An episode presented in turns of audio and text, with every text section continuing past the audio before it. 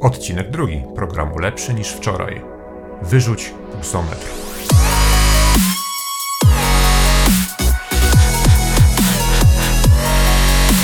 Witam w drugim już odcinku programu Lepszy niż wczoraj. Programu, w którym rozmawiamy na tematy triatlonu, diety, metod treningowych i wszystkiego, co związane jest z pracą nad samym sobą. Ten odcinek nosi nazwę Wyrzuć pulsometr. Troszeczkę przewrotnie, bo tak naprawdę nie chcę nikogo do tego namawiać, ale będziemy rozmawiać po prostu o lepszych metodach analizy treningu i lepszych metodach sprawdzania własnych postępów, niekoniecznie według tętna i niekoniecznie według tego, co nasze serce generalnie robi. Na początku załatwmy kilka spraw organizacyjnych. Po pierwsze, chciałbym podziękować za miłe przyjęcie pierwszego odcinka i za dość pozytywny odzew. Jedyne, co się nie do końca podobało, to muzyka. Postaram się coś z tym zrobić w następnych odcinkach. Jak na razie zostaje ta, która jest. Mam nadzieję, że nie będzie Wam jakoś bardzo przeszkadzała. Zmieniamy też troszeczkę harmonogram publikowania filmów na YouTubie. Nie będą się pojawiały w tym momencie już codziennie, z tego względu, że czasowo najnormalniej w świecie nie wyrobię. Poza tym chciałbym, żeby filmy były mniej vlogowe, a bardziej poruszały jakiś konkretny temat. Co poza tym, zapewne wiecie, że u mnie jest w tym momencie zima i kilkanaście razy dziennie praktycznie pada deszcz, ale w Polsce jest sezon triatlonowy w pełni. Osoby, które kilkanaście miesięcy temu pisały do mnie, że może spróbowałyby z triatlonem, jak zacząć, co zrobić itd., tak itd. Tak w tym momencie te triatlony zaczynają ukończać i jest to bardzo fajna, bardzo pozytywna informacja. Chyba coś najlepszego, co zdarzyło się na kanale do tej pory. Dzięki wielkie za to i byle do przodu, prawda? Co do tego odcinka, to pomysł na niego chodził mi już po głowie od jakiegoś czasu. Dość często dostaję pytania dotyczące pulsometrów i treningu z tętnem, treningu według tętna, wyznaczania maksymalnego tętna itd., tak itd. Tak Dodatkowo ostatnio wrzuciłem film prezentujący możliwości zegarka Fenix 3 y, z optycznym pulsometrem wbudowanym w zegarek i dość wiele osób pytało o to, jak dokładny jest ten pomiar podczas treningów, gdy tak naprawdę zegarek kupiłem właśnie po to, by mieć wyliczone tętno spoczynkowe i widzieć trendy tego tętna w ciągu dnia, a nie koniecznie do treningu jako takiego. Dlatego właśnie dzisiaj zajmiemy się tym, dlaczego trening z pulsometrem jest nie do końca dobry i co można zrobić zamiast tego, bo okazuje się, że są dużo lepsze sposoby na analizę i interpretację postępów w treningach.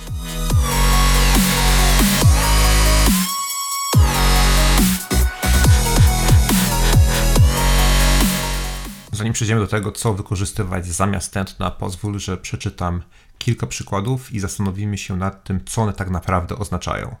Moje tętno maksymalne to 195. Przebiegłem 10 km z tętnem 185. Przebiegłem maraton z tętnem 160. Na rowerze utrzymuję przeważnie tętno 143. Czy na podstawie tego, co właśnie powiedziałem, jesteśmy w stanie wywnioskować, czy dana osoba jest szybka, wolna, czy dana osoba jest wysoko wytrenowana, czy dopiero rozpoczyna przygodę z treningami? To, że ktoś ma tętno maksymalne 195, tak naprawdę nic nie oznacza. Ja mogę mieć tętno maksymalne 190 kilka, nie wiem nawet do końca ile, bo tak rzadko to tętno maksymalne jest osiągane, że wszelkie dane, jakie mam na ten temat, są prawdopodobnie już zbyt stare, by móc je teraz wykorzystywać. To, że ktoś jest w stanie przebiec maraton na, na tętnie 165, także nic nam nie mówi. To, że ktoś przebiegł 10 km na tętnie 165, może oznaczać, że biegł powoli, może oznaczać, że biegł szybko, ale jest wytrenowany. Może także oznaczać, że tak w zasadzie to mało co nie umarł, bo jego tętno maksymalne to 172 i ledwo co udało mu się te 10 km przebiec. Dodatkowo nasze tętno nie jest wartością absolutną, to znaczy idąc pobiegać dzień w dzień, nasze tętno może się różnić niezależnie od tego, jak jesteśmy wytrenowani. Rano wypijemy więcej kawy, będziemy zdenerwowani, będziemy wypoczęci, nie będziemy wypoczęci, lepiej spaliśmy, gorzej spaliśmy, zjedliśmy coś bardzo tłustego, zjedliśmy coś mniej tłustego. Jest tak wiele rzeczy, które wpływa na nasze tętno, że branie go pod uwagę jako główny wyznacznik naszej formy najnormalniej w świecie mija się z celem. Oczywiście wiele osób trenując według stref tętna osiąga dosyć dobre rezultaty, ale czy te rezultaty są osiągane dlatego, że ktoś trenował względem stref tętna, czy pomimo tego, że trenował względem stref tętna, a jego postęp dokonał się niejako obok. Weźmy na przykład takiego zawodnika Ironman, który trenuje tylko względem tętna i ustala sobie, że jego maraton będzie przebiegnięte na tętnie 155 uderzeń na minutę. Pojawia się dzień zawodów, po rowerze okazuje się, że jego tętno mniej więcej wynosi 165 w momencie, gdy biegnie z takim tempem, z jakim trenował. Co taki zawodnik powinien zrobić? Czy powinien zwolnić i starać się utrzymywać tętno 155, pomimo tego, że będzie biegł znacznie poniżej swoich możliwości? Czy też powinien zignorować tętno w danej chwili i biec według własnego tempa, które ustalił sobie podczas treningów i zignorować tętno? Jeżeli zatem nie możemy do końca ufać tętnu, to według czego tak naprawdę powinniśmy trenować. Jeśli chodzi o bieganie, to sprawa jest w miarę prosta, bo mamy prędkość. Jeżeli mamy dwie osoby, jedna z nich powie, że przebiega maraton w 3 godziny, druga osoba powie, że przebiega maraton w 4 godziny, dokładnie, w przeciwieństwie do tętna, jesteśmy w stanie powiedzieć, która z tych osób jest lepiej wytrenowana. Z rowerem sprawa ma się niestety gorzej, bo prędkość nie jest już uniwersalna i jednoznaczna wiatr, aerodynamika, podłoże, trasa itd., tak itd., tak wszystko wpływa na prędkość zbyt mocno, by na jej podstawie określać poziom wytrenowania zawodnika. Dlatego właśnie mamy mierniki mocy. Niestety miernik mocy nie jest dla każdego dostępny, jest drogi i nie każdy tak naprawdę wymaga tego miernika mocy, bo jeżeli tylko chce ukończyć jakieś lokalne zawody albo po prostu zrobić triatlon raz i więcej do tego nie wracać, to wydawanie kilkuset dolarów na miernik mocy tylko po to, żeby mieć liczbę, nie ma większego sensu. Na szczęście Strava potrafi pokazać oszacowaną moc na podstawie naszych danych treningowych, a Trainer Road wyświetla dosyć dokładną moc, wykorzystując dane o tym, jakiego trenażera używamy, prędkości i kadencji Znowu bez użycia naszego pulsometru.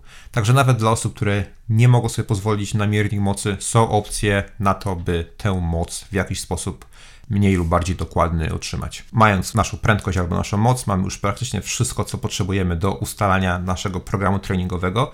Brakuje nam jeszcze jednej ważnej rzeczy, a mianowicie długości treningu. Bo z samej długości nie jesteśmy wiele w stanie wywnioskować. Jeżeli powiem Wam, że biegałem przez godzinę, to nie ma większego przełożenia na to, jak ciężki był to trening. Jeżeli powiem, że biegałem godzinę z intensywnością 100%, to wiemy wtedy, że dałem z siebie wszystko przez godzinę i więcej dać z siebie nie mogłem. Jest to zupełnie co innego niż gdybym biegał przez godzinę, po prostu truchtał z tempem 7,5 minuty na kilometr w moim przypadku. Mając zatem intensywność i czas dla każdego treningu, możemy takiemu treningowi przypisać wartość liczbową wartość, która zależy wprost właśnie od tych dwóch zmiennych i którą to wartość nazwiemy sobie TSS, Training Stress Score, na polski po prostu stres treningowy. Nikt tego oczywiście ręcznie nie będzie liczył, tego są programy. Warto pamiętać, że godzina spędzona z intensywnością, jaką jesteśmy w stanie utrzymać przez godzinę, czyli maksymalny wysiłek przez godzinę czasu, to 100 punktów TSS dwie godziny dużo luźniejszego treningu, może to być na przykład 70 punktów TSS. 3 godziny spaceru, lekkiego truchtu, to może być także 70-80 punktów. Tak jak powiedziałem, od tego są programy, one to wyliczają, ale dzięki temu dostajemy liczbę, która w jednoznaczny sposób określa nam, jak ciężki był to tydzień, jak ciężki tydzień zaplanowaliśmy sobie, jak ciężki był to trening. Jeżeli przez godzinę biegliśmy z tempem, które jest dla nas luźne, mogliśmy utrzymać na przykład kilkadziesiąt TSS za to, a drugiego dnia przebiegliśmy też godzinę, ale z tempem dużo cięższym, będziemy od razu widzieli, że te wartości będą różne i będziemy od razu widzieć, który dzień był cięższy, który dzień był lżejszy i jak przede wszystkim wygląda nasze obłożenie treningowe podczas całego tygodnia. Jeżeli słuchasz uważnie, to najprawdopodobniej zauważyłeś już, że potrzebujemy jeszcze jednej zmiennej w naszym równaniu, a jest to wartość intensywności, jaką jesteśmy w stanie utrzymać przez godzinę. Ta intensywność to, hura, hura, próg mleczanowy albo FTP.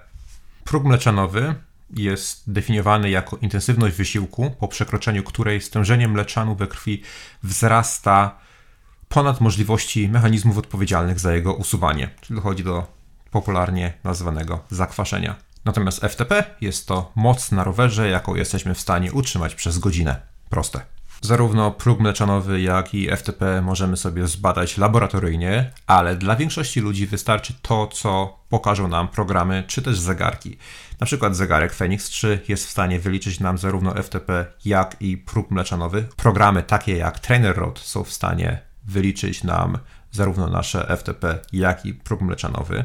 Training Peaks na podstawie naszych treningów wykaże nam także próg mleczanowy, zarówno jeśli chodzi o prędkość, jak i o tętno. Jeśli chodzi o prędkość biegu, jesteśmy w stanie przeprowadzić bardzo prosty test, czyli przebiegnięcie pół godziny w tempie maksymalnym, wyciągnięcie z tego średniej i przemnożenie przez 0,95 będzie to nasza maksymalna prędkość, jaką jesteśmy w stanie utrzymać przez godzinę.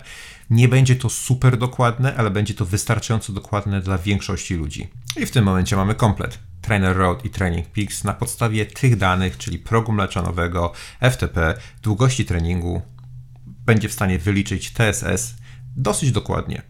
Aby jednak się to stało, nasze wartości zarówno lactate threshold, progu mleczanowego, jak i wartość y, FTP muszą być badane cyklicznie, bo to, że 6 miesięcy temu moje FTP wynosiło 260 albo 360 albo nieistotne ile, ma się nijak do tego, ile wynosi w tym momencie i jakie TSS osiągam podczas robienia swojego treningu. Dlatego co lepsze programy treningowe w pierwszym tygodniu zakładają przeprowadzenie sesji, która ma na celu właśnie zbadanie aktualnego poziomu wytrenowania, aktualnego FTP i aktualnego progu mleczanowego. Mam nadzieję, że to, co powiedziałem do tej pory, ma sens i nadal ze mną jesteście, bo wprowadzamy właśnie dużo więcej zmiennych.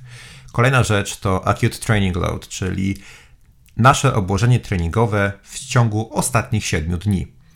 I jest to bardzo prosta rzecz, bo jest to średni TSS za 7 ostatnich dni. Powtórzę jeszcze raz. ACL, Acute Training Load, czyli krótkotrwały, krótkotrwałe obłożenie treningowe, jest to średnia z TSS za ostatnie 7 dni. Jeżeli na przykład przez cały tydzień nic nie robiliśmy, w sobotę wybraliśmy się na długą jazdę, która dała nam 140 TSS, to nasze obłożenie w ciągu tygodnia średnia to będzie 20. Nasze ACL wyniesie 20, 140 na 7. Chronic Training Load, czyli długotrwałe obciążenie treningowe, jest to ta sama liczba, ale wzięta za ostatnie 6 tygodni czyli średnia z 42 dni. Jeszcze raz. Chronic Training Load, średnia z 42 dni, Acute Training Load, średnia z 7 dni. Dlaczego jest to ważne? Dlatego, że odejmując jedno od drugiego, czyli odejmując Acute Training Load od Chronic Training Load, czyli krótkotrwałe obłożenie treningowe od długotrwałego obłożenia treningowego, otrzymamy liczbę, która jest pozytywna albo negatywna. Tę liczbę nazwiemy sobie TSB, Training Stress Balance, albo po prostu balans stresu treningowego. Dlaczego jest ona ważna? W momencie, jeżeli ta liczba jest negatywna, oznacza to, że ostatni tydzień był średnio lepszy niż ostatnie 6 tygodni. To jest bardzo prosty wyznacznik postępu albo regresu. Jeżeli liczba jest pozytywna, oznacza to, że w ciągu ostatniego tygodnia zrobiliśmy mniej niż w ciągu tygodni poprzednich. Jeżeli jeszcze Wam mózgi nie wyparowały, to podsumujmy sobie to, o czym mówiliśmy do tej pory. TSS jest to liczba przyporządkowana do każdego treningu, określająca stres treningowy.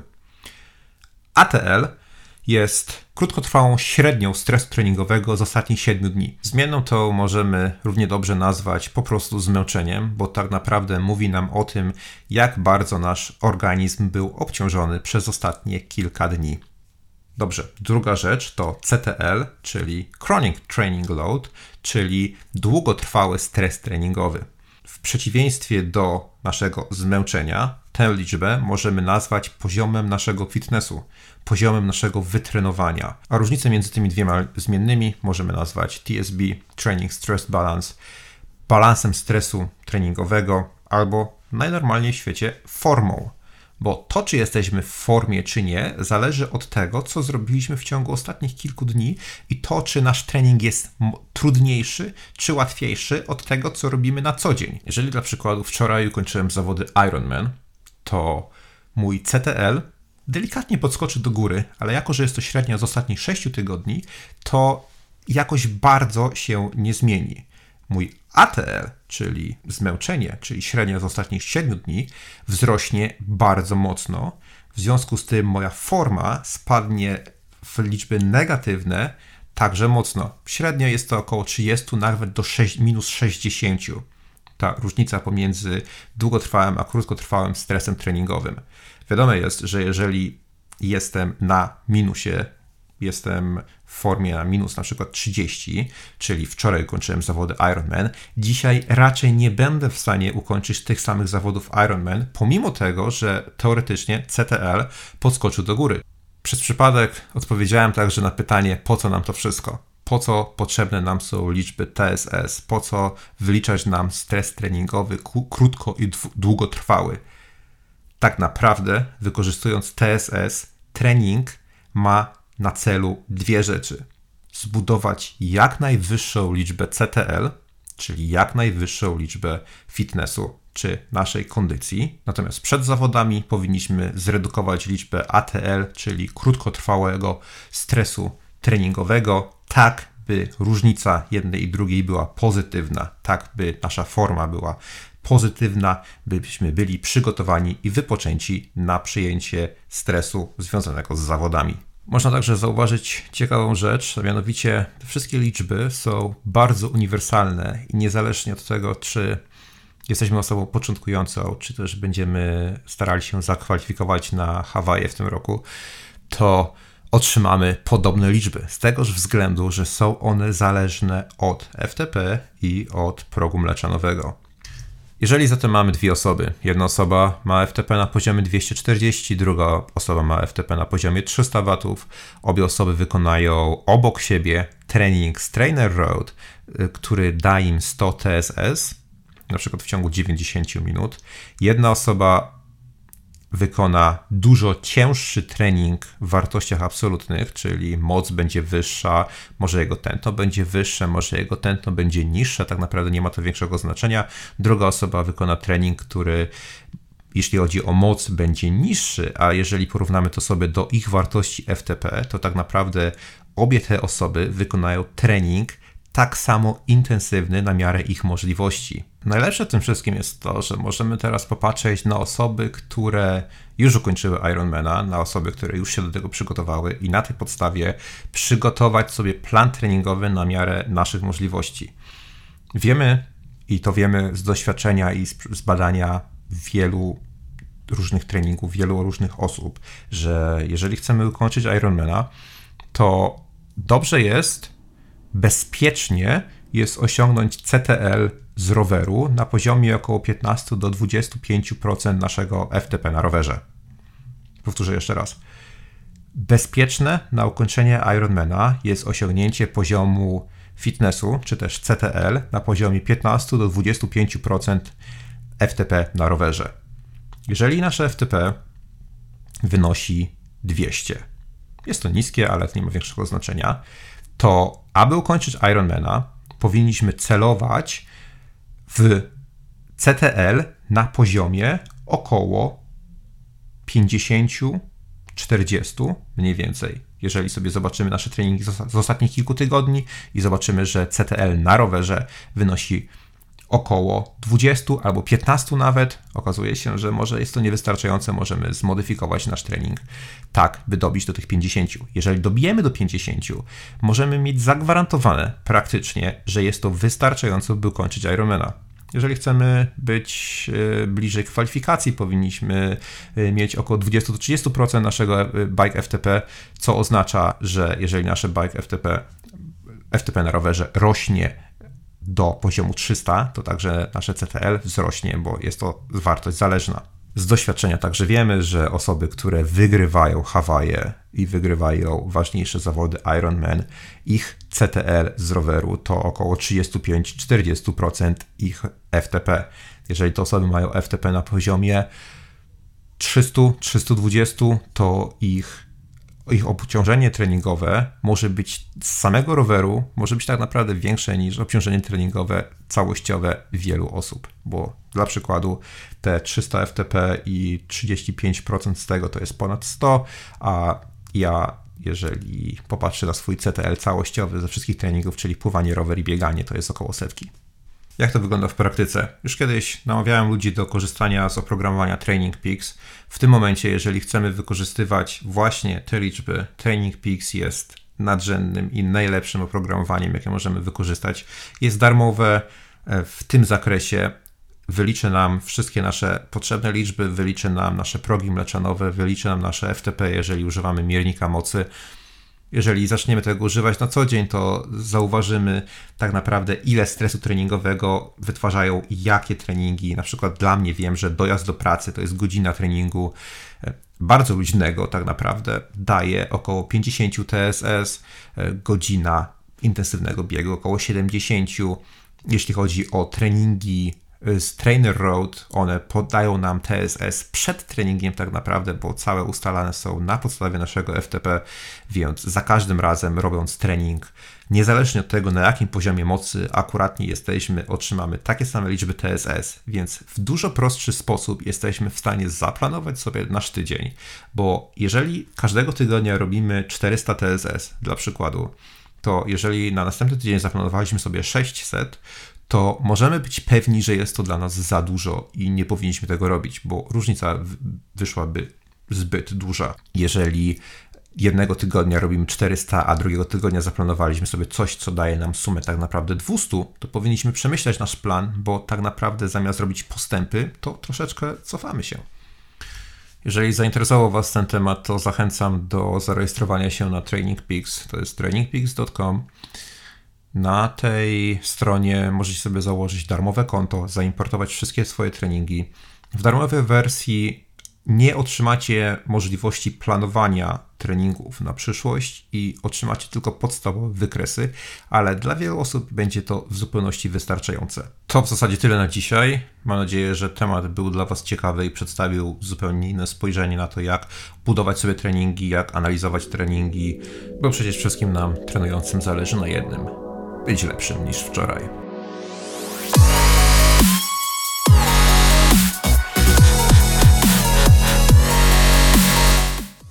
Okay, tyle na dzisiaj. Mam nadzieję, że spodobało Wam się to, o czym mówiłem, że da Wam troszeczkę więcej informacji na temat treningów, na temat przygotowania do zawodów, na temat układania planu treningowego.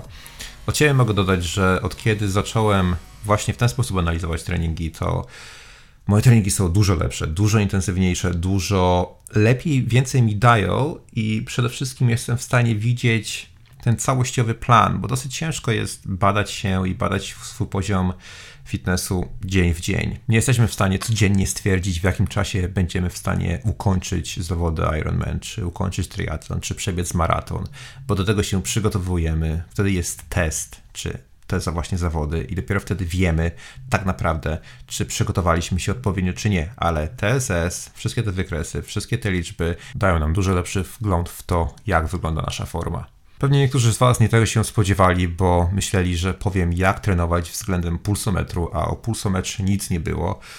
Ale taka jest prawda. Ten pulsometr, jeżeli zaczniemy trenować względem TSS i względem naszych poziomów wytrenowania stresu treningowego i balansu krótko i długotrwałego stresu, wtedy okaże się, że ten pulsometr do końca nie jest tak naprawdę nam potrzebny.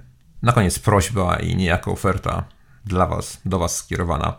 Uczę się nowego programowania i próbuję przygotować sobie coś w rodzaju raportu z poziomu wytrenowania i raportu z analizy treningu wstecz. Ten raport mógł być na przykład wykorzystywany w klubie triatlonowym po to, by przewidzieć, jak ułożyć sobie trening w następnym roku. To tylko dla przykładu, ale by to zrobić, potrzebuję kilku osób, które chciałyby podzielić się swoimi danymi treningowymi. Te dane najlepiej jakby miały w sobie dane zmiernika mocy, jeżeli nie, to dane GPS, dane e, z pulsometru i oczywiście dane prędkości. Interesuje mnie w tym momencie rower i e, bieganie, pływanie sobie zostawiam. Jeżeli ktoś z Was chciałby dostać taki raport, tak naprawdę ten raport jeszcze nie istnieje, powstanie właśnie na podstawie kilku przykładów, bo nie mam ich zbyt wielu w tym momencie. Jest to trening mój, mój i kilku znajomych. To skontaktujcie się ze mną. Powiem Wam dokładnie, co trzeba zrobić, e, jak wyeksportować te treningi, jak mi je dostarczyć i jakich informacji dodatkowo potrzebuję. Jeżeli bo boicie się o swoje dane osobowe, możecie usunąć dane GPS, jeżeli umiecie je usunąć bez usuwania prędkości. Jeżeli jest coś, co chcielibyście otrzymać, dajcie mi po prostu znać. Jeżeli macie jakiekolwiek pytania na temat tego, o czym dzisiaj mówiłem, śmiało walcie w komentarzach pod tym filmem albo pod tym podcastem, albo wyślijcie mi wiadomość, albo wyślijcie coś na Facebooku. Jest wiele sposobów na to, by się skontaktować. Tymczasem ja idę biegać. Mam nadzieję, że do usłyszenia w następnym odcinku programu Lepszy niż wczoraj.